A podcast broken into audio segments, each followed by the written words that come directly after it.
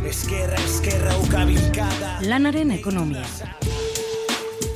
Kutsadura informatiboari aurre eginez, ekonomia gaiak jorratzen eta ulertarazten duen saioa.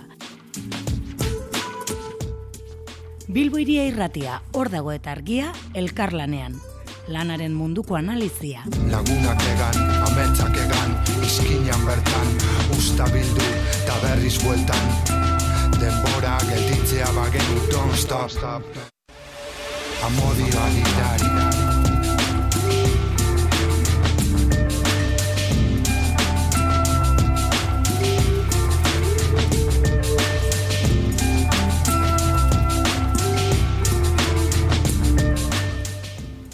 Kaixo, hementxe zabiltzate lanaren ekonomiaren irratzaioa entzuten, beste programa berri bat e, dokagulko gaurkorako.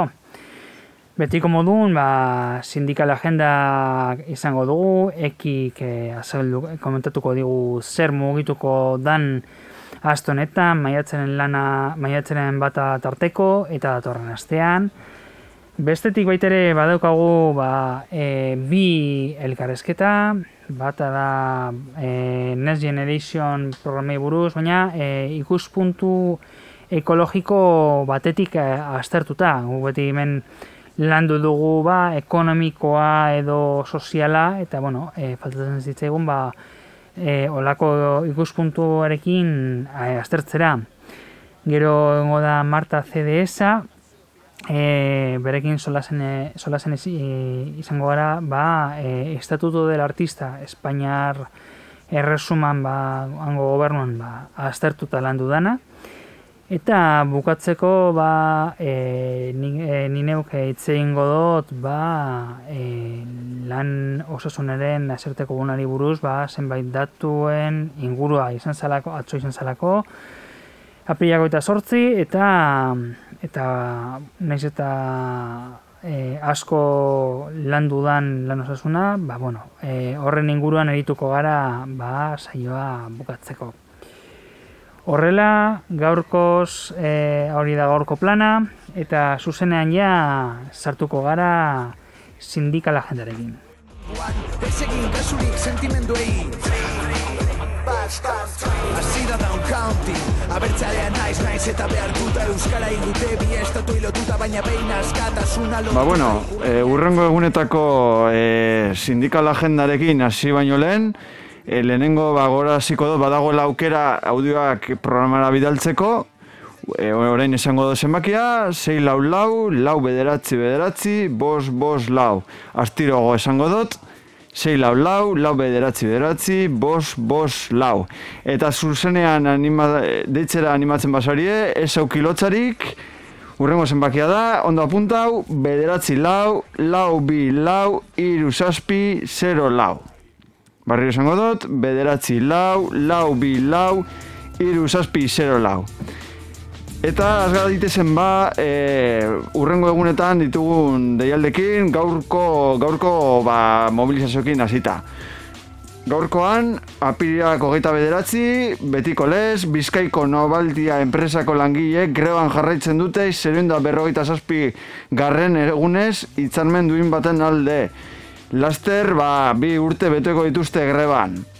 Lauden eta murrion, tuazekseko langileak greban, greban mugagabean jarraitzen dute ere, iru eta masortzi garren egunez. Iragarritako, enda berroita mal kaleratzen aurka. Hori dela eta gazteizera e, parkatu, ez e, Gero, Ermuako mikrodeko enpresako langileek greban jarraitzen dute bosgarren egunez, enpresak soldatak ez ordaintzeagatik eta konkurtzara sartzeko mehatzeagatik.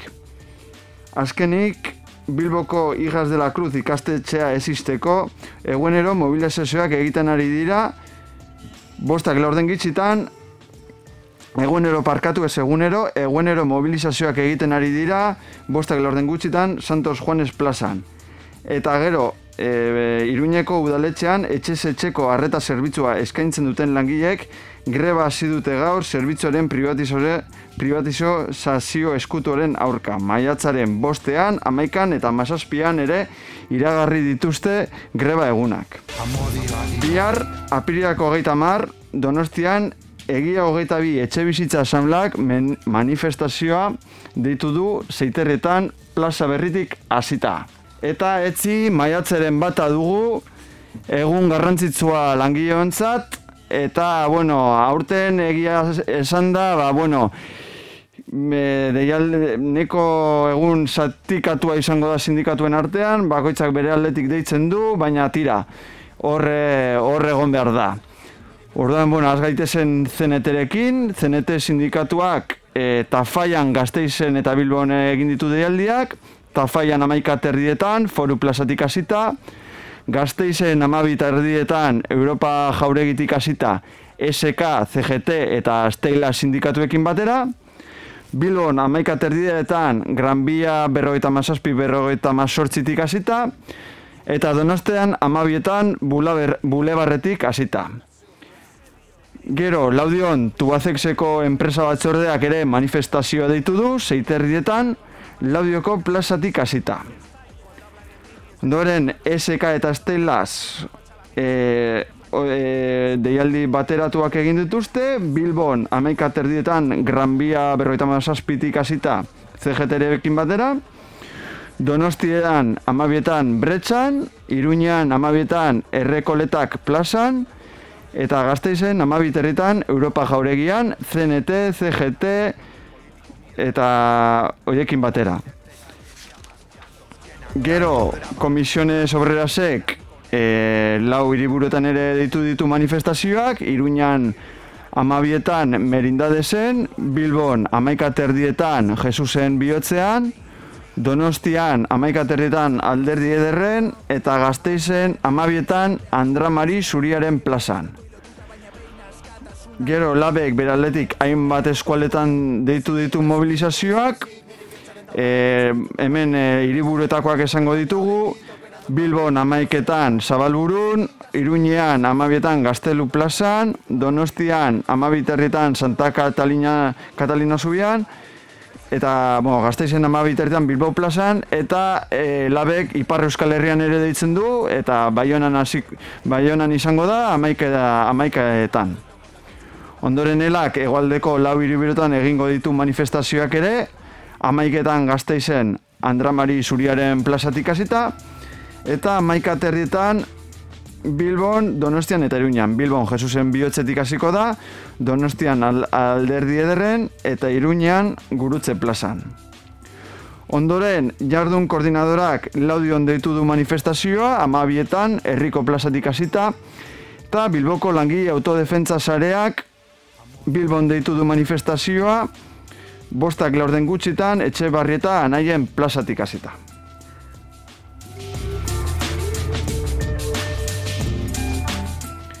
E, bueno, maiatzaren bateko deia, e, manifestazio deialdiekin bukatuta, domekan maiatzak bi e, Bilbo, Bilbon errondoko ausorentzat dela aldarrikatzako manifestazioa deitu du errondoko auzoetxeak, Amabietan sarrikon hasiko dana Bilbon nau da.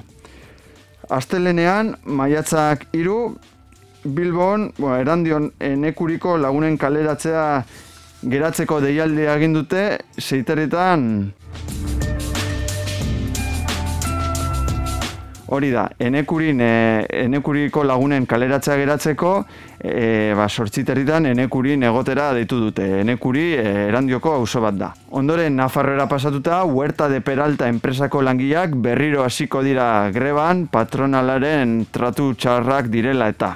Martitzenean, maiatzak lau, basaurin, asamblada irekia deitu du batu elkar laguntza sareak, ausokide bat udalaren partetik jasetan ari den jasarpena eta kaleratzen mehatxuen egoereri irten bidea emateko. Zeiretan izango da, larra zabalgo parkinean. Eta jakin dugu, oraintxe bertan, e, ari direla, ba, e, udaletxeko plenoa dago oraintxe, eta joan dira, batu elkar laguntza sareko kideak, ba, e, udaletxera protesta egitera. Jarraitu ze kin, maiatzak bost, Bilbon isam eta bere familia etxetik kaleratuko dituzte. Hori dela eta, aset etxe bizitza sindikatuak elkarretaratzea deitu du amarterdietan Marsana kalean bosgarren zenbakian. Nafarroara pasatuta, eguaztenean maiatzak bost beti ere, Nafarroako osasun etxeen aldeko elkarretaratzeak deitu ditu osasun etxe asaindu plataformak eguaztenero amaiketan osasun etxeen aurrean. Eta bukatzeko,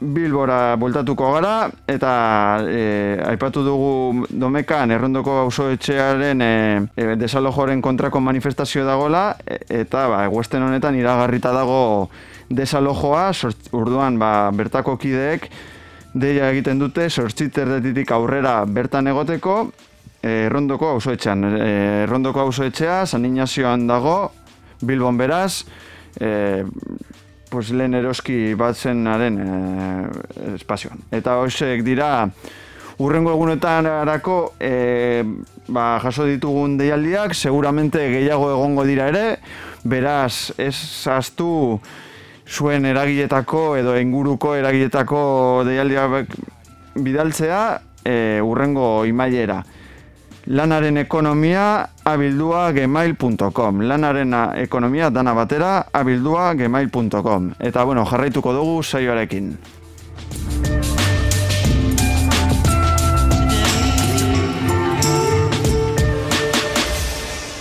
Sindikala jende eta gero, el, elkarrizketetara pasatuko gara. Kasu honetan, ba, bueno, e, Iñaki Barsena dugu telefonaren beste aldean, EHUko irakaslea eta ekologista martxaneko kidea. Kasu honetan, ba, Next Generationen e, alde ekologikoaren inguruan hitz egingo digu.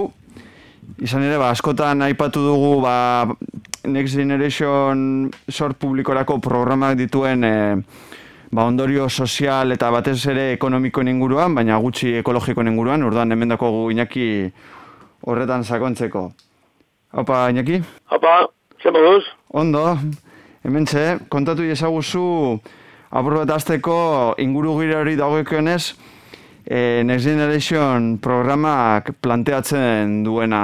Next Generation programa, ba, garapen sustengarria jaio zenean izan zen bezala, nolabait, eh, belaunaldien arteko kompromisu bat, edo nolabait Generation, bada, bueno, orain pandemia garaian sortutako sorpetze programa bada, izugarriko, bueno, zuek ekonomilaria zaretela, ba, bueno, ibaino, hobeto zarete saltza horta, baina, e, bueno, bueno, e, saspiron de berroko tomar mila, milioi euro, e, bueno, e, sorpetze proiektua da, eta hor, e, nolabait, lehenengo titularrean agertzen dena da, nolabait, transizio ekologiko baterako programa, ez? E, hor, e, nolabait, planteatzen dena da, Europa betiko lez duela ja, hori, berrogei urte, Europar batasuna munduan e, nolabait, e, bueno, ba, krisi ekologikoaren aurrean, ba, lider bat moduan, lider berde bat moduan agertzen dana, ez? Claro, bueno, hori horrela planteatuta, ba, bueno, oso ondo dago, eta jende guztiak onartzen du, nolabait, dakizuenez, ba, gaur egun e, Next Generation e, e, sorpetxe pro, publikoaren programaren ondoan agertzen da e, Green New Deal deitzen dena, da, Europar Batasunak egiten duen apostua nolabait, e, bueno, e, sektore sozial eta eragile soziopolitiko guztien artean, nolabait paktu berde bat egin behar dela, nolabait Europa transizio ekologiko eta transizio energetiko horretan, ba, liderra izateko. Bueno, hor agertzen dira, ba, batez ere, batez ere, bueno, Next Generation programa dikatu da dago, ba, nola baite, e, pandemia honetan gehien e, kokatu, gehien jota esan diren, e, bueno, herrialdeak, Italia kasu honetan, e, eta Estado Espainiarra, eta, bueno, eta egoaldeko Europako nola baite herrialdeak, eta hor planteatzen dena da, hori, ba, diru mordo bat e, e, jarriko dala, ba, disposizioan, ba, ba alde batetik, batzu, bueno, batzu dira kredituak, beste batzu dira nola baite, bueno, e, diru laguntzak, erritardi, ba, bueno, ba, hainbat eta hainbat proiektu berriak e, egiteko, ez? E, bueno, hori apostu ekologikoa da, bueno, alde batetik izan daiteke, baldin badaude nola baite, bueno, ba, energia berriztagarrien aldeko apostua eta nolabait energia fosilien e, aldeko ba, nolabait e, bueno, aldaketa bat, baina, bueno, gure ikuspuntutik, gure susmoa da, e, bueno, hemen dagoela beste pelotazo e, hori ekonomiko bat, ba, hainbat eta hainbat e, enpresek, e, bueno, ba, proiektu energetiko berriak martxan jartzeko, baina ez dugu ikusten e, nolabait, e, bueno, ba, e, benetan e, adibidez, guk, bueno, bezatzen baldin badugu, ba, transizio energetikoaren e, puntu nagusiak direla negabatioak, hau da, e, erabiltzen edo edo konsumitzen ez diren megabat, megabatioak, hau da, kentsionetan, desaskundiaren bidetik edo nolabait, ba, gastatzen dugun energiaren e, porcentaia jaiztea hori ez da kontutan hartzen. Eta gure ustez alde horretatik, ba, nolabait, da, transizio energetiko bat, nun, bueno, e, energia berriztagarrien, e, e, bueno, eskaintza berri bat egiten da, batez ere, ba, nolabait, hidrogeno eta, bueno, hidrogeno da vektore bat, ez, baina, bueno, ba, nolabait elektrifikazioa, eta bar, planteatzen da deskarbonizazio gehiago, baina gure ustez hori ez da etorriko dana. Baina deskarbonizazio horren bidean, e, plantatzen dana da ere, e, bueno, asko ba, e, egun eurokatozenen digitalizazio bat bultzatzea, ez?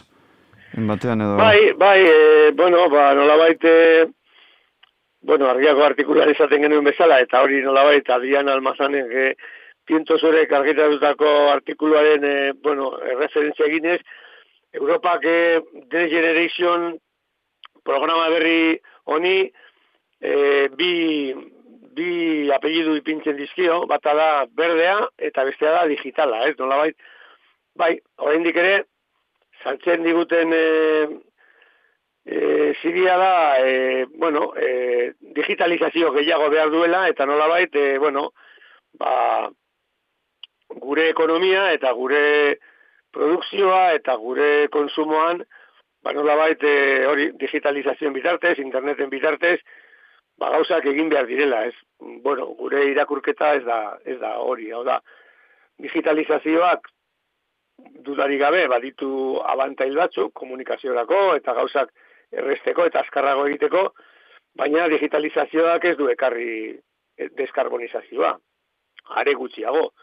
E, bueno, ba, artikuluan esaten genuen bezala, ba, gaur egun egiten baldin badugu kontuak eta interneten bitartez egiten diren gastu gastu elektrikoa, gastu energetikoa konparatzen badin badugu, ba, bueno, munduan lehenengo konsumitzaile izango litzateke estatu batuetako estadua, bigarrena izango litzateke Txina, eta hirugarrena izango zen internet. Hau da, e, internetek e, behar dituen bere eguneroko funtzionamendurako gastu elektrikoa eta gastu energetikoa oso altua da.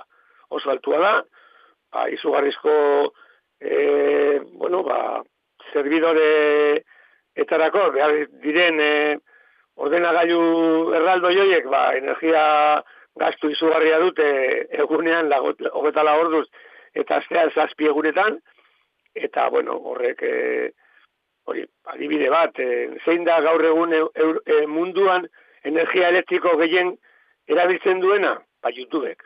YouTubek bere bere bideoen e, transmisiorako behar duen energia elektrikoa izugarri handia da, eta da mundu honetan.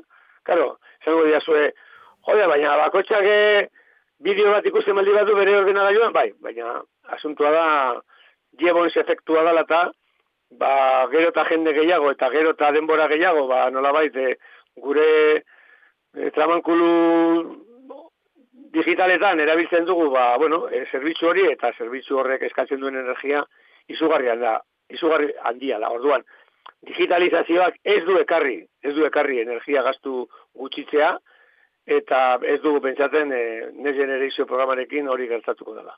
Gauz, askotan uste dugu papera ez erabiltzagaitik eta gauzak ba, zuzenean internet, bueno, interneten bidez edo ordenadoran irakurtzagaitik gutxitzen gu, oza, gutxiago kutsatzen ari da, garela, ez? Baina ez da ez da bai, bai, baina, gauza bera pentsatzen dugu zentral nuklearrekin. Zentral nuklearretan e, egiten den e, reakzio nuklear horrek ez, ez du sortzen zeo birik, ez.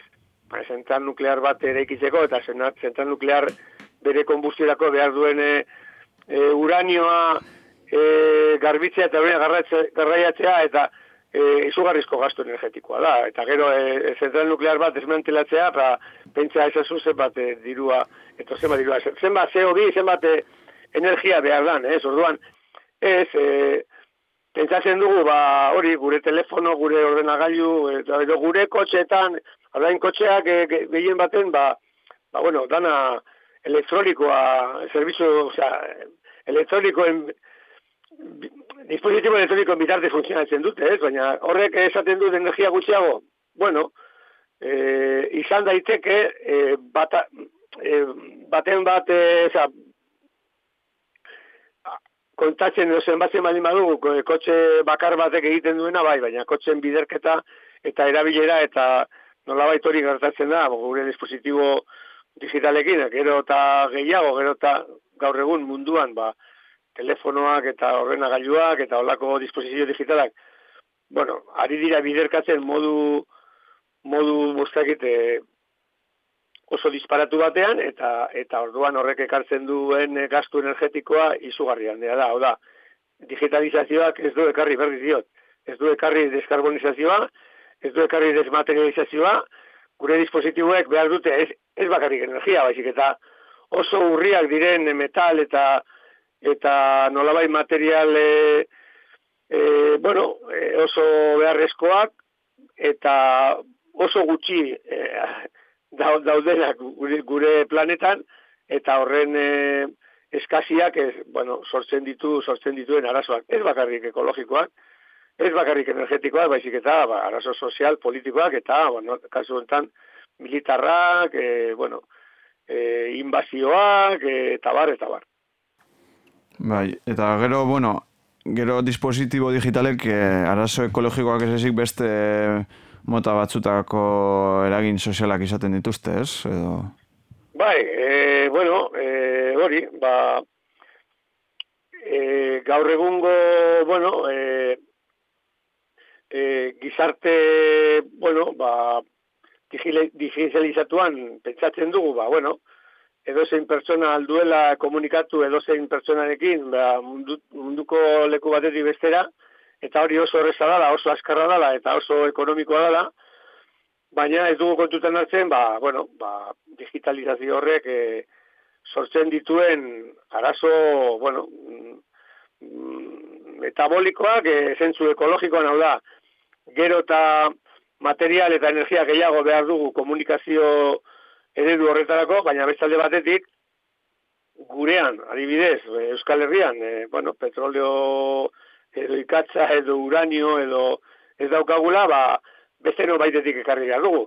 Baina berdin kobaltorekin, berdin indiorekin, berdin e, lur arraroekin, berdin koltanekin, edo nolabait, e, bueno, digitalizazioak eskatzen dituen metal eta materia eskaz hoien, e, bueno, ba, erabilera, ez? Orduan, e, karo, e, hemen, e, bueno, e, urrun ikusten dugu arazoari, baina baldin bagoaz Boliviara litioaren kasuarekin, edo baldin bagoaz Kongora e, kobaltoaren arazoarekin, edo baldin bagoaz momentu enten adibidez Groenlandian, eh? Groenlandian duela gutxi gobernu aldaketa bat egon da, eta e, bueno, berdeak e, igo dira gobernura, baina orain e, momentu enten adibidez Groenlandian dagoen e, problema nagusi nagusitako bada, ea onartzen duten, ba, mehatz enpresa, bueno, enpresa minero berriak, e, nolabait, eh, hor dauden e, mineralak eta hor dauden, nolabait, e, bueno, hori digitalizaziorako behar diren material horiek e,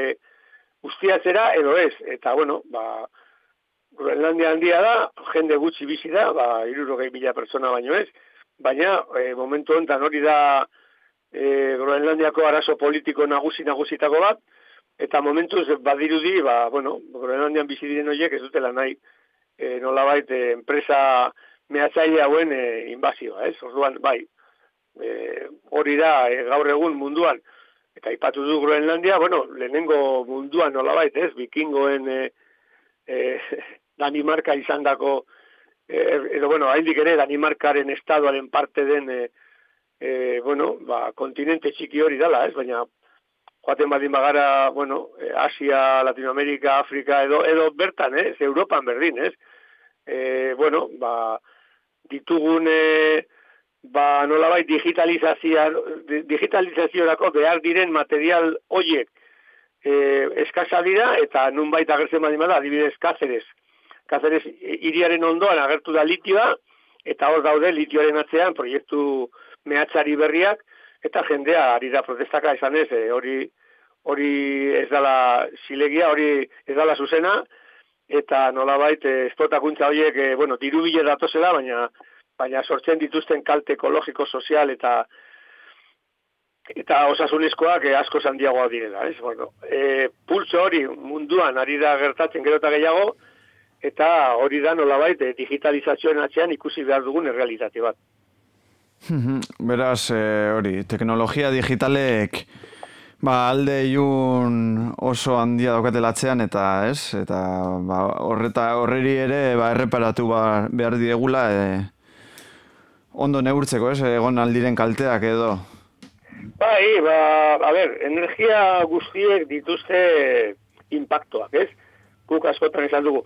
Beste gauza bada, bueno, energia berriztagarrien aldeko apostua, hori dura gabeko asuntua da, da, e, gu, azkenengo egun da berro bat urtetan, e, bueno, petroleo hasieran, petroleo industriala, ez, mehatxetatik ateatzen eza petroleoa, e, lehenengo e, ikatza, ez, ikatz minerala, gero etorri izan petroleoa eta uranioa, e, bueno, e, orain ikusten dugu hori hori desagertzen el, zegoenaren erdia ja erre egin dugu, konsumitu egin dugu, eta hain ikusten dugu eguzkia dala, ba, nola baite, bueno, gure erreferentzia energetiko nagusia. Bai, ados gaude, energia berriztagarria dira etorkizuna. Baina, e, energia berriztagarriak ez dira energia fosilen bezalako altxorra, eta, bueno, energia berriztagarrien erabilera eta energia berriztagarrien apostuak ezin du esan, gero eta energia gehiago disposizioan ikiko dugula. Hori ez da horrela, eta gure ustez transizio ekologikoaren da bide nagusia izan behar da desazkundea, ez? Desazkunde sustengagarria, desazkunde justoa, desazkunde nola baite demokratiko bat, eta hori zoritzarrez ez da Next Generation programan agertzen dana. Bale, bale, ba, eskerrik asko Iñaki Barsena, gurekin egote gaitik hemen, eta urrengo arte. Bale, ba, nahi duzen arte, ondo izan. Ondo izan. Agur. Agur.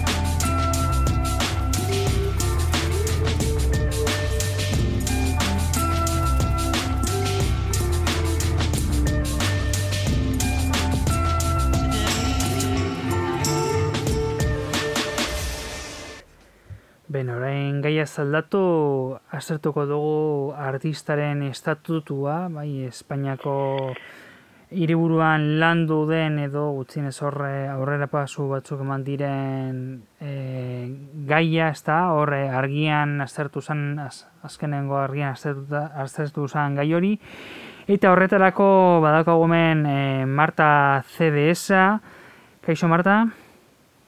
Arratzaldeon, endika zer moduz, azkenean? Bai, ontxe bai, ondo, ondo. Beno, ba, bueno. jakin dezazuen, aurkezpena egin dodala zure inguruan eta guztiri, bale? Bale, primeran. Orduan, nahi behar zuzen hasiko gara galderekin. Venga, bai, vale, ba... aprobatzatuko denbora orduan. Venga, aurrera. Perfecto, bale.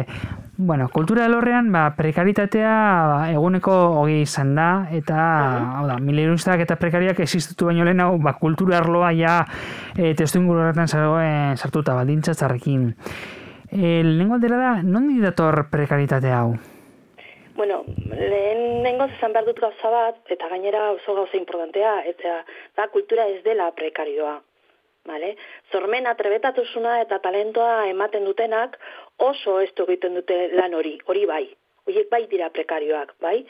E, ikusten baldin badu eskal kultur behatikoiko e, 2008ko txostenan, adibidez, e, ba, txosten horretan esko jarraritzak esaten du, bueno, eskal kultur behatekia esaten du, e, barne produktuko gordina, e, kultura iru eta bose unekoa dela, gutxi gora bera, ia 6.000 eta 6.000 langile daudela, eta kontuan izan behar da, lan eskutu, algo dagoela, lan eskutu asko dagoela kulturan, et, obeste sektoretan e, konturan hartzen gaituztela, bale?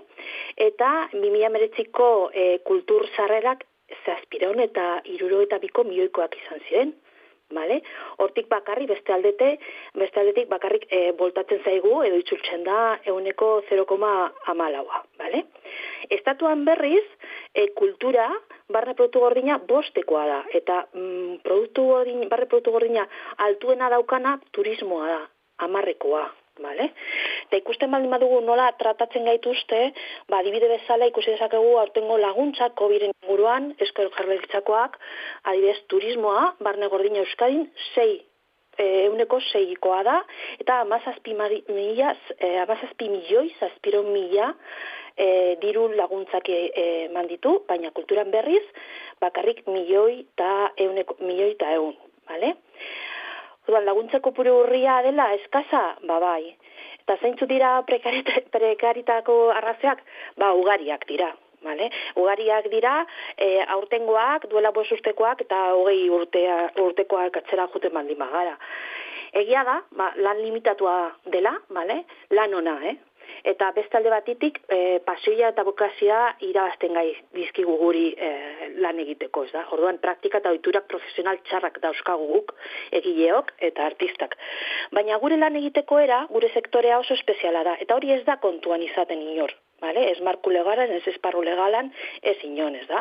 Gun nola egiten dugu lan, ba, aldizkotasunaz, ez egon kortasunaz, irregulatasunak dira gure arauak kontrataretzekoan desoreka eta inpozaketa asko dago, eta sektorea gainera oso gutxietzia dago, ez da, askotan entzuten dugu gurea ez dela lana baizik eta jobia baizik, ez da. Eta batez ere lege esparrua ez da adosa. Ez da, ezertarako e, adosa, laneko araudi fiskala edo izarte segurantza desegokia da, oso zurruna, eta batxotan ere kontraesana. Ez daukagu bestalde batetik solaskide errealak eta balioskoak, gure elkarpenak edo sindikatuak ez dauzkate egiturak auskorrak, loturari gabe egiten duten lan eta kintzua politiko gabe gaienak. Horregaitik, zer falta zaigu? Ba, kolektibizazioa, falta da, informazioa ere gure artean, baina batez ere esparru legala aproposa, jardunbide egokiak eta neurri eta politikak integralak eta batez ere zeharkakoak, transversalaz. Vale? Transversales esaten da. Eta hori, gu, ba, erakunde publikoen kompetentzia da. Ba, onerarira, Espainiar Erosmogo gobernuak informe de la subcomisión para la elaboración de un estatuto del artista aurkeztu du.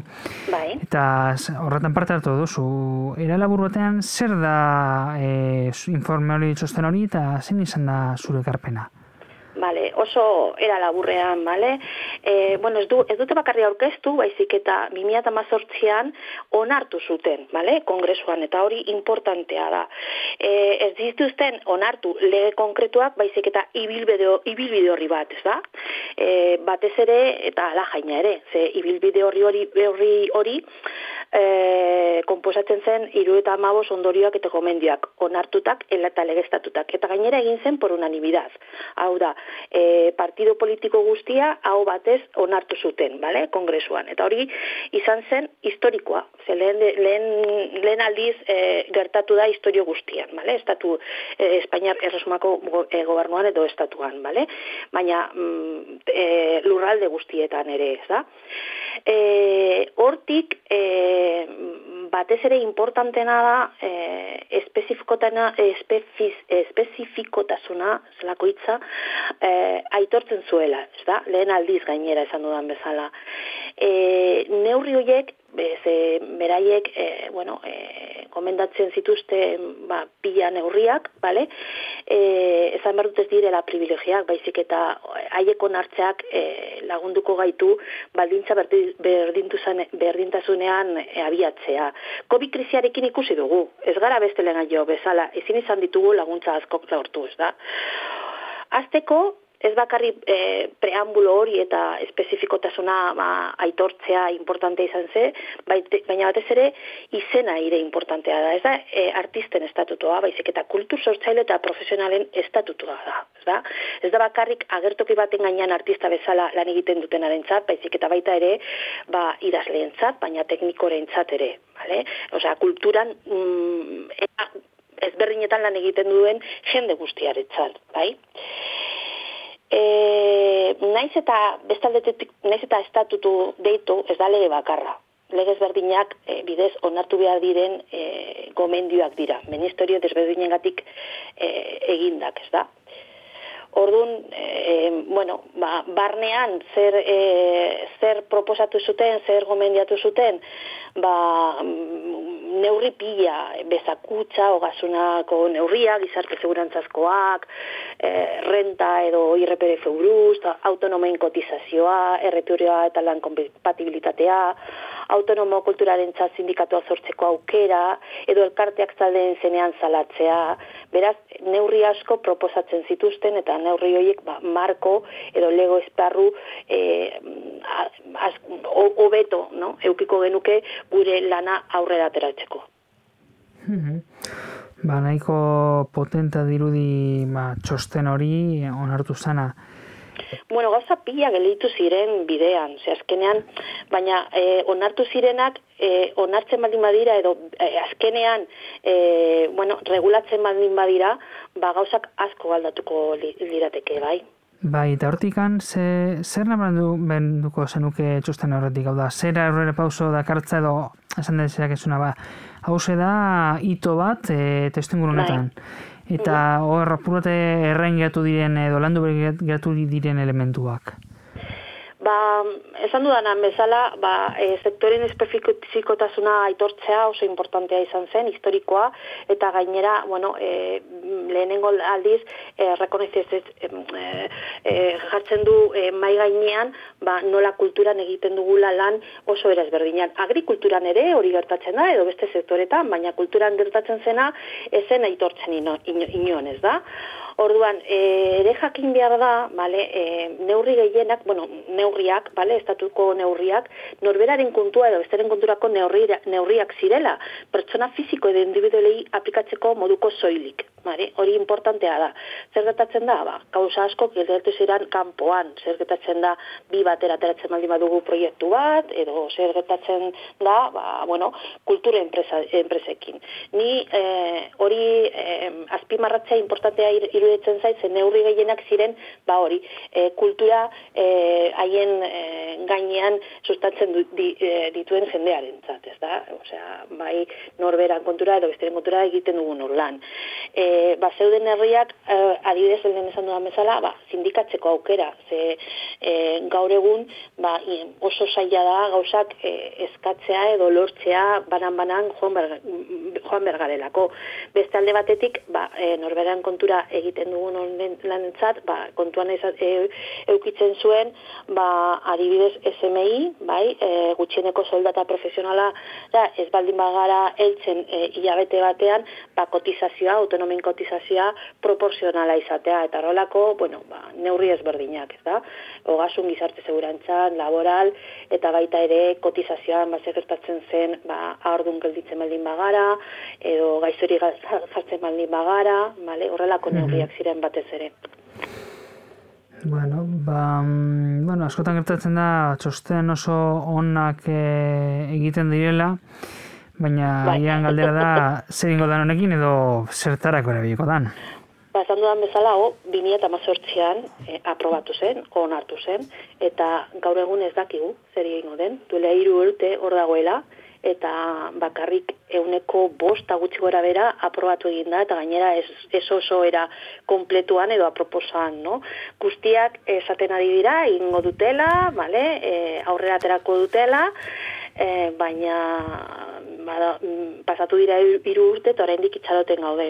Pasatu, pasatu da urte bat, e, ze e, krisiarekin, pandemiarekin, covid pandemiarekin, ba ikusi goenuen oso beharrezkoa zela horrelako neurriak e, ateratzea ze bestela, ba e, prekarioak baldin baginen, ba orain ja mm, pobreak gara direktoki, vale? eta, bueno, pasatu da urte da, urte bat, eta oraindik ez estatua, eta ez e, lurraldeak ez dute zer egin. Orain ere Eusko Jarraitza dio Euskal Artisten estatua, estatutua egingo duela, eta lanean dago, dago, bai? Baina zein estatutua, artisten edo sektorearen estatutua. Kompetentzia gehienak estatalak dira gainera, baina badaude kanpoan geratu ziren neurri asko, ze nola mm, izan zen por unanimidad, ba, unanimitatea lortzeko, ba, neurri importantean kanpoan gelditu ziren, eta neurri horiek batzuk, horietako neurri batzuk hartu alditu esko jarlaritzak edo legebiltzarrika, legebiltzarra, euskadiko legebiltzarra, eta atera aurrera ez da, lagunduko zutenak nola, bueno, kultur, kultura, kultur langilei. Bai, hori agaren geratu da pandemiarekin zein da kultura erloko langileen egoera orokorrean. bai, eta, bai. bai, agiren geratu da. Ba, ze laguntza nora jundiren, eta gero laguntzak hartzeko zeintzu, zei zaili izan den bidea, eta, eta sektore egoera, bai. Batzutan ezinezkoa, bai. Bai. bai. Orduan, apurrata eh, honi lotuta, zure ustez, Hada, nahiko izan litzateke ba proposamen hauek lehan jartzea, edo benetan beste lanketa bat edo zer gehiago behar da, ba, e, e, kultura erloko langile guztiak ba, batzen mm dituen ba, ere horien ba, lan badintzak ba, duintzeko. Hmm. Hombre, gehiago behar da, noski, vale? neurri gehiago behar dira, ez bakarri proposamen hauek, baina azteko eta batez ere eh, agiak edo askarrak izateko badago hor zerrenda bat, vale? E, ea zerrenda hori aprobetzen den, onartzen den, behin goz, eta ez bakarrik onartzen, baizik eta lege konkretuak e, aprobatzen baldin badira, ez da. Gainera, pentsatu behar dugu e, zerrenda hori, vale? izan dela urte askoko borrokaren emaitza, amarkadak, Beraz, orain azten baldin badai gara berriz atzerontz, ea ber nola izango litzateke hobeto hau aprobatzea edo neurri hau ez da eh, ainona hobeago izan, izango litzat, izan aldaiteke, bai, hobeago izan aldaiteke, baina markadak egonez bagero, baldin badaukagu hor, e, ba, gidoi bat, ez da? Gi, mm. e, e, ba, zegaitik ez dugu aurrera ateratzen eta azkar, ze e, mimia zapazortzian e, partidu politiko guztiak, vale? E, hor zeuden partidu politiko guztiak, zoe, PP, eh, Ciudadanos, baina, eh, ba, eh, bueno, Podemos, IU, baina baita ere territoriala guztiaz, eh, ba, eh, PNV, ba, eh, guzti guztiak baietze, baietze zuten. Zer aldatu da, bok sartu, sartu dela hor lege biltzarran, bai, baina besteok guztiak eman zuten beraien sinadura, beraien botoa, eh, neurri horiek atera, atera behar zirela horrela. Beraz, zergatik dago ordena geldituta, ez da? gainera um, neurri horiek ez dira oso onak, ez dira eltzen adibidez Frantzian daukaten neurriei, vale?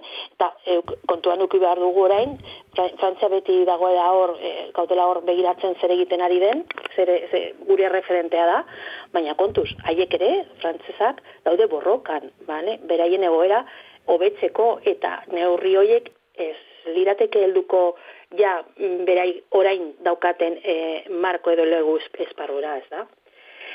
Zer egin dezakete, nirentzat, e, bitartean, vale, hemen lurraldean adibidez, peintzat konpententzia daukaten legeak aurrera atera aldituzte, baina batez ere, vale, nirentzat oso importantea da, e, diren bi neurri oso garrantzitsuak artisten errolda edo zensua egitea eta organo administratibo espezialatutak behar ditugu eta hori egin dezakegu hemen lurraldean eta ez, ez dugu itxaron behan ea berze egiten duten Espainian. Beno, ba, ipatu dozun guztia oso interesgarri da ikusita zindan sektorearen egoera eta langileen egoera. Larria bai oso larria eta bueno, azkenean kultur barik ezin gara bizin ez eta batzuk hori espentzatu. Agintaria... Ba. bai. Kultura ba, oso beharrezkoa da eta kulturarekin eh, bueno, mm, eskubide bat da, nirentzat fundamentala gainera. Gizarte guztiaren zat, eh? ez bakarrik eh, zortzaile edo artisten zat. Ba, bai. Ba, beno, Marta, ez dakizu zer gehiago gehitu nahi badozun edo azpimarratu? Bueno, esan ditugu gauza importantenak, horrela era resumitutan, baina ea ber, bueno, ba, e, benetan, duna esportodaz, ikusten dugu aldatzen dela zeo zer eta neurriak e, e, bueno, regulatzen ea ber e, azten baldin badira behin goz, ez da? Bai, ia, ia aukera hori moten dan, eta ustut ba, antolakuntzaren bitartez, ba, posible dala. Oso importantea da, hori ere antolatzea, eh, guren arten ere. Mi esker aukera gatik, mi esker estatut, artisten estatutuari buruz hitz egiteko aukera gatik, ze gehiago hitz egin behar da, ea ber, denok eh, azkenean eh, jakiten baldin badugu, e, zergaitik da beharrezkoa bai sortzaileentzat ba, baina baita ere gizartearentzat gure egoera e, hobetzea, vale? Eta orduan, bueno, ni jarraituko dut, e, jotake lantzen eta eskatzen. Oso ondo, beharrezkoa dela. Ba, mi bai. esker, Marta. Zuri endika, mi esker. Osasuna. Agur,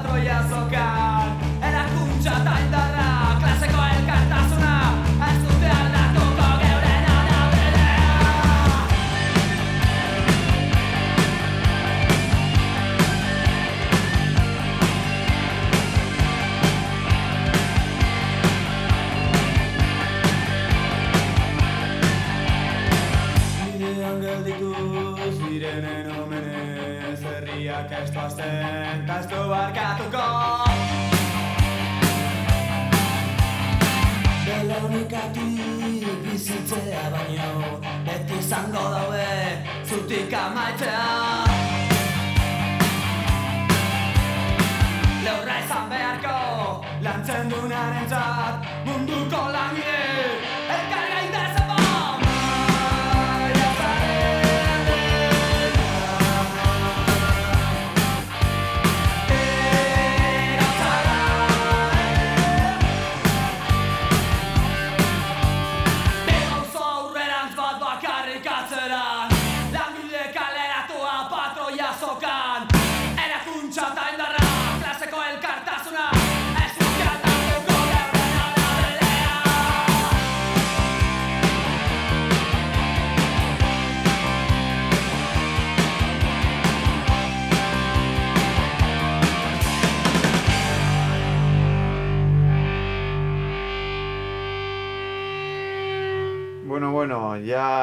amaitzen joango gara saioa, azken elkarrizketa dekogu hemen endika labortegaz, Dakigunez, ba, atzo laneko segurtasun eta osasunaren mundu eguna izan zen, hainbat mobilizazio egon ziren Euskal Herriko kaletan, eta bueno, horren arira endika artikulu bat idatzi dau, e, lan, gaia landu dau, eta bueno, ba, konta iguzu endika zein da lan segurtasunaren egoera gaur egun, hau da, e, egun honek badu izateko arrazoirik, Galdera horrek trampa deko, ez da?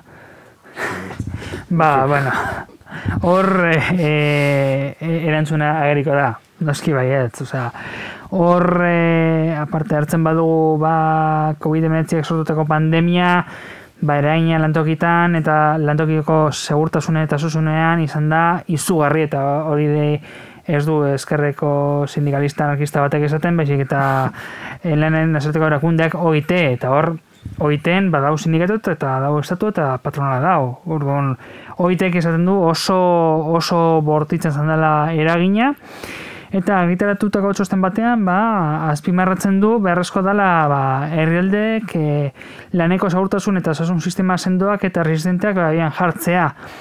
Azpimarratuz, pendiente dagoela. Eta ez nago egiten Afrikako ez dakizein herrialde Latina Amerika edo ez dakizein lekutan baita ere Europar e, batasunean. Orduan, hori ipurbat ba, maiaren gainean jartzeko eta egunaren ba, beharra azpimarratzeko, ba, e, urte zizenetik amasei langile dira Euskal Herri penintzularrean. Horrek esan nahi du gutxi gora bera egunean, zazpi egunero langile bat hiltzen dela. Orduan, nahiko mm, zenbakien di da. Eta geratzen badugu pasaden urtean, 2008 garran urtean, zeinan parte handi batean egon ginela konfinatutak, ba urte bertze izan zen, e, Euskal Herri penintxularen hil ziren irugita pertsona, lanean. E, hau sorte txar bat balitz bezala hartzen da, saiestu ezin ezin den kasolitatea eta patronilak ba, alanurako fei bazkez, e, onartu ezin daitekeen tragedia pertsonala eta enpresara hitz egiten du, baina aldi berean ez dute, bueno, hai, lasai, mila langileko lan estipoen nire izan murriztu da. Orduan, hildoko horiek izan ezik, ba, denak posik, ez da, orduan. Horregaitik, ba, garrantzitsua da, azpimarratza egun horren garrantzia, ba, enbaian gaina jartzeko, ba, dago lanean, ba, dauden hainbat gabeziak ba, salatzeko. Bale, eta orduan, datutara jota badago, e, ose, zintzu dira e, Euskal Herriko datu, aipatu dituzunak, eta badode beste batzuk gehiago, edo? Bai, datu pilo bat dauz. Estadistika hartzen badagoz, izugarri dira. Lehenengo, ba, alderatuz, e, alderatu berko nuke, ba, behineko kontatu batek, e, bat duen langile batek, bai, eta behin betikorekin hartuta, ba, behin behineko tasunak e, eta lan istripu tas handiagoa, ba, erabat lotuta daude, nueko irugaita marretik gorako arruzko dauka, behin behineko den langile bat, hori, e, istripu izateko. Eta hori ez da lan esperientzia faltaren ondorio. Azotan da, bueno, etorri da gazte da eta bar, ez, hori e, urte epe guztietan e, mantentzen den e, eunekoa da. Eta hori da, ba, e, baldintzatzaren ondorio zuzen bat. E, gainera, kolektibo horrek, hau da, behin-behineko, behin-behinean lanean, lanean dagoen kolektibo horrek, ba, e, istripu handia estipoa izateko arrisku handiago dauka, baina gainera osasunak edo beraien osasunak okarra egiten du, ba, lanerekin jarrai, lanen jarraitu behar duela mm, kontratua berritzeko. Hori da, ba, egunen gertatzen dena, ez, ez dut bajara hartuko, ez pa bere iru jobete barruak ez duten nire lan kontratua berrituko, ez da, ba, hori da, hor dagoen damos, damoklesen espatata. Azpimaratu behar da, sinetzen diren, e, amar kontatu dutatik bederatzi benbeinekoak direla, gaur egun. Horri gehitu behar dugu, ba, lan iztipo bat izateko arriskua handiago dela bat eta goita bost langile bitateko enpresetan, bai, gure e, enpresa zaren ohiko den tamaina, eta hor arrazoi asko daude, ezta? baina bat da, ba, enpreserekin harreman oso, oso estua dela, Eta horrek zer esan nahi du, ba, bueno, agian jefia edo hor dagoela esaten, ba, holako esaldiak, ba, lanen eta hortatik ordentzen dizut. Bai, hau da, bajartzen baduzu, horretik ez dizut, gaintzen, ez da? Mm. Holako e, e, esaldi zibilinoak, edo, edo ekoiztu egin behar eta punto. Edo, edo zein dela egoera, ba, holako komentario ere, badira, ba, mehatxu, mehatxu bigunak, bai, ez, ez, ez, ez dabil esan ez, dabil esan ba, e, beso aportuta lanera etorri berzara lan eitera, ez da, ez da horrela, baina bai horrako, ba, e, mehatxu bigunak erabiltzen direla. Ja, de, de, datuak hartuta, ba, apurati egiteko, e, 2008an, hogian ez da, ez da datu, datu zehatzik orain dikan, Euskal Autonomia Erkidegoan eta Nafarroan egin ziren, edo gertatu ziren, berroita masei mila boston da larogi lan istripu. Erregistratu ziren lan istripu horiek, ez da? Horitetik iruneun da sortzi larriak. Eta hartzen badugu estadistika, ba, egunean, egun da zazpi, lan istripu izan dira. Eta hemen ez dira sartzen ba, gaizotasun profesional ugariak, ez da? Horiek ba, mutuen eta gizarte segurantzako institutu nazionalen mende daude onartzea lanetiko edo lan gaizotasuna dire. Eta hor adibide garratzena da amiantoa, amiantoa ez da. E, kaso egientan ba, epaite egitera jonber direla langileak edo haien familiak, langile hildarako, bai? Eta e, 2000 eta, ez bakatu, eta abismae, abismaek da haien elkarteak, ez da amiento, amiento pasatu duten familien elkarteak, e, esaten dute, mi, mi abetzen dela horita sortzitik ona, e, ia 2000 leuren da berroita pertsona hil direla bakarrik amientoagatik, bai? Eta hor, ba, bueno, e, azkena, ni neukan datu bat zera ama, ama, e, apiriak amari, amairukoa, baina ja beste datu bat gitu berdot, beste bat lengilot hildalako. Josa Gerardo Jauregi, ba, pasaian lan egiten zuen Victoriano Luzubiagan, eta ba, ba, aurten egin gertatu dan amiento adatik ondorio, mendiotegatik e, egon dan, ba, sortzigarren eri, da. Eta hemen langileak salduta gaude. Eta bueno, gero bada beste atal bat ez dugela mm, landuko dela arrisku psikosozialak, ba, eta hortik er, erretorritako gaixotasunak, zeratik ba, hori estadistikak e, izatea oso zaila dalako. Bai, ba, lanetik e, lana dela eta e, e, depresio bat izatea, edo estresa, eta olako patologiak eto, eta gaixotasun, buru gaixotasunak, lan e, lanatik eratorritakoak, ba, bueno, horren inguruan oso zaila da hori aurre egitea eta estadistikak ez dira batera argiak. Eta horren aurrean, ez zelan funtzionatzen da, lan arriskoak saiesteko legeak zehazten dituen prozesuak eta eta hor badago e, hor badago erantzukizunaren definizio bat, ez? Eta, bueno, eta gero sindikatuak zelan erantzun erantzuten dute horren aurrean. Bai, ba, legea, nahi, legea da, laro gita, uste laro gita malo, edo laro gita mazazpigarren urtekoa da, Espainiarra, Espainiar maiakoa da, bai. Eta berez legeak egiten duena da, ba, zehazte hainbat protokolo jarritu berdirela, eta bar, eta baita ere, ba, egongo dela figura bat enpresan dela prebentzio ordezkaria. Bai, e, azteko, mm, nola, nola izango da prebentzio ordezkari hori? Ba, bueno, horretarako ba, enpresa komiteko edo edo dela personal bat izango da prebentzio ordezkaria. Hori legeak e, oso zehatz e, zehazten du. Sei eta berroita mar, e, eta berroita deratzi langileko enpresa batean le, prebentzio delegatu bat egongo da, eta hortik gora egiten dena da, ba, biderkatze, ez da, berroita mar eta ben pertsonako arteko plantillan, ba, bi prebentzio, delegatu, eta bar, eta bar, eta bar. Ze gertatzen da kasu horretan, ba bueno, e, hartzen badugu gure enpresa zara, lehen aipatu duan esia gehienak enpresa txikiak direla, ba, eta, eta enpresa askok, e, dauzkatela gehienez, berrogeita beretzi langile, olako ba, figurak ba, saiesteko, ez da, eta, eta langien kontrol hori saiesteko, eta gertatzen dena da, ba, justo, ba, delegatu dana, baitere prebentzionista da, eta teorian enpresak eh, bera formatu berdu, prestakuntza eman berdio, baina hori nola, nola zehazten da. Ba, ba, ba daude ikastero batzuk eta bar, baina askotan egiten dutena da, ba, ikastero batzuk emon, hogeita bat minutu edo ordu bateko ikastero bat, poin batzuk, sinatu, prestakututa zaudela, eta listo. Eta hori da lantokitean emoten da nengoera. Askotan e, prebentzionistaren lan egin berduenak ez daukala prestakuntza bat. Eta hori beti da ba, enpresaren mesederako, ezta? Gero gertatzen da, bueno, aipatuko dana, ba, lan ikuskaritzaren egoara zendan, ezta?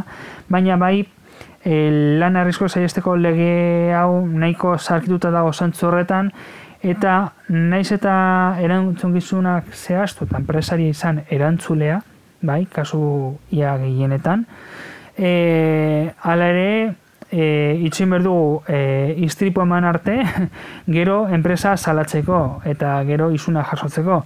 Baina uste dut helburu ez dela enpresai, e, enpresari izuna jarri iztripu bat egon delako, baizik eta iztripu hori saiestea. Eta horretarako legean e, legea erren geratzen da. Eta, bueno, teorian lan ikuskaritza ba, horretan da, bilez, langileen osasuna bermatzen.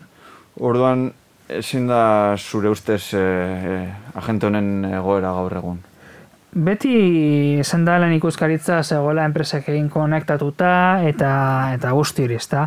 Ba, askon urtetan izan dut sortea ba, lan ikuskari desente ezagutzeko eta emoten ari dena da ba, arazo bat eta arazo hori ba, Eusko Jarloritzak sortu e, edo horren erantzule izatea e, datuak hartuta, 2008ko datuak hartuta, ba, Euskal Autonomia Erkidegoan adibidez, hogeita mairu ikuskari daude, jardunean. Bizkaian, amabost, bakarrik. Bai? E, orduan, e, ikuskari bakoitzak zenbat langile dagozkio. Bai, hogeita mar mila langile. Orduan, e, ez da posible, ez da posible. E, la, e, Bizkaian adibidez, ikuskari bakoitzak e, iruren espediente betetzen ditu urtean, bakoitzak. Bai? Eta e, lankarga handia, lankarga handia da, e, nahiko desegitu datuta dago haien hitzetan, bai? Eta e, ez dauka aukera materialik enpresetara joteko, ba, pre, prebentzio egiteko. Zein da haien kesa edo, ba, Euskara Jarloritzak hau planifikatu, planifikatu duela e, ez dagoelako haien partetik interesa hau, ba, hau betzeko. Eta pur bat, e, nik beti gustatzen zaite polizia ratioak erabiltzea e, hau lertzeko, ez da, ba, e, hartzen badu baita ere Euskal Merkidegoan, ba, badago, ertzen bat, e, berreunda laro pertsona bakoitzeko. Bai? Mm Ertzen bat, e, ia e, beronda iruita malau. Hartzen badugu daltzainak, ratio hori hobetzen da. Edo okertu, nire ustez, baina no, hobetzen da, ez da? E, dira, e, eunda lero gita bai? Eta hor ez dugu, ez dugu saltan, ez militarrak, ez polizia nazionala, ez guardia zibila, ez da zer, bakarrik e, Euskal Abel polizia, ez da? Ba, hartzen badugu hor, dakagu, polizia bat, endela horita meretzi pertsonako, lan ikuskari bat, hogeita mar mila langientzako. Orduan, ikusten da zindan e, jaurlaritzaren e, elburua, ez da edo intentzinoa. Polizia pilo bat, kontrol pilo bat e, eta bar, baina gero lan arloan, lan eskubideak babesteko eta lan osasuan, gutxinez lan osasuan ba, jarduteko, ez dago efektiborik eta hori bada e, eta hori ez da Madrigo kontua esaten duela Madrile ez ezin duzu ikuskaritzen ditu lan ikuskaritzen ditu ez hori da Euskal Autonomia Erkidegoak e, 2011an hartu zuen ba kompetentzia eta hori usten dute. E, zebatik e, ez dira heltzen e, gure lantokitara lan ikuskari hauek? Ba jaurlaritzak ez duelako nahi. Mhm. Bale, ba, orduan eh, aipatu duzu eh, lan istripuen datuak oso txarrak direla, orduan lan arriskoak saiesteko legeak hainbat utzune dituela. Gero lan ikuskaritza ere hor dagoela, baina pues, ez daukala balio bidirik benetan eh, ba, segurtasuna bermatzeko eta istripuak saiesteko. Orduan zer ondorio estatu genezake eh, honetaz guztiaz? Bueno, ba, horre horretzen da, e, enpresen zigor gatasuna e, langileen osasunaren aurka egiten dutenean. Hainbeste hildako, hildakoak ba, asko direko, baina baita ere lan gaixotasun eta lan istripuekin. Ba, zaintzaile lanak egiteko bete, behar duen, bete beharra duenak, administrazioak, eusko jaurlaritzak, e, paso egiten baitu. Horre badauka kostu handi bat eta ez da soilik ekonomikoa, baitze ba hor pertsonen duintasunaren galera eta osasun mentalaren okerragotzea bi dira bi, bi adibide eta koste horiek ikuste zina dira eta hor gure langile gure poltsikoetik eta gure osasunetik ordaintzen dugulako. Hor e, alde batetikan ba e, sindikatu badaukate erantzunkizuna edo edo gutxinez e, bai, erantzunkizuna ba horretan jarduteko lan, e, bat egiteko enpresetan, mm baita ere langile moduan gu dokago baita ere hor entzun gizun bat, gure lan osasuna eta gure osasuna hor jokoan dagoelako. Eta, eta hori da purat inguruan, baina ja, bukatzeko azken finean, hau da, ba, egoera hau da klase borrokaren ba, enegarren adibidea. Eta kasu honetan betiko moduan ba, badakigu noren alde dagoen gobernua. Vale, ba, eskerrik asko. Horre, horregaz geratuko gara. Eta... Hemen bakarrik defendatzen dugu gure alangile klasea eskeraleak Independentzia eta kalea lortuko ditugu gure ametsak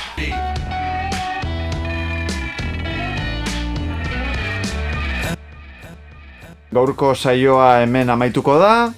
Eskerrik asko parte hartu duzuen guztioi, bai Iñaki Barsenari, Marta Desari, Endika Laborteri eta mandoetan dagoen Ane Zabalari eta noski ba, lanaren ekonomiaren entzulego osoari. Gogoratu e, saioa ba, Bilbo iria irratearen e, atarian izango duzula entzungai eta gogoratu baita ere zapatuan maiatzaren bata dela eta e, kalera irteteko eguna dela. Beraz, ez geratu etxean eta bi e, aste barru ikusiko gara. Lanaren ekonomia. Kutsadura informatiboari aurre eginez, ekonomia gaiak jorratzen eta ulertarazten duen saioa.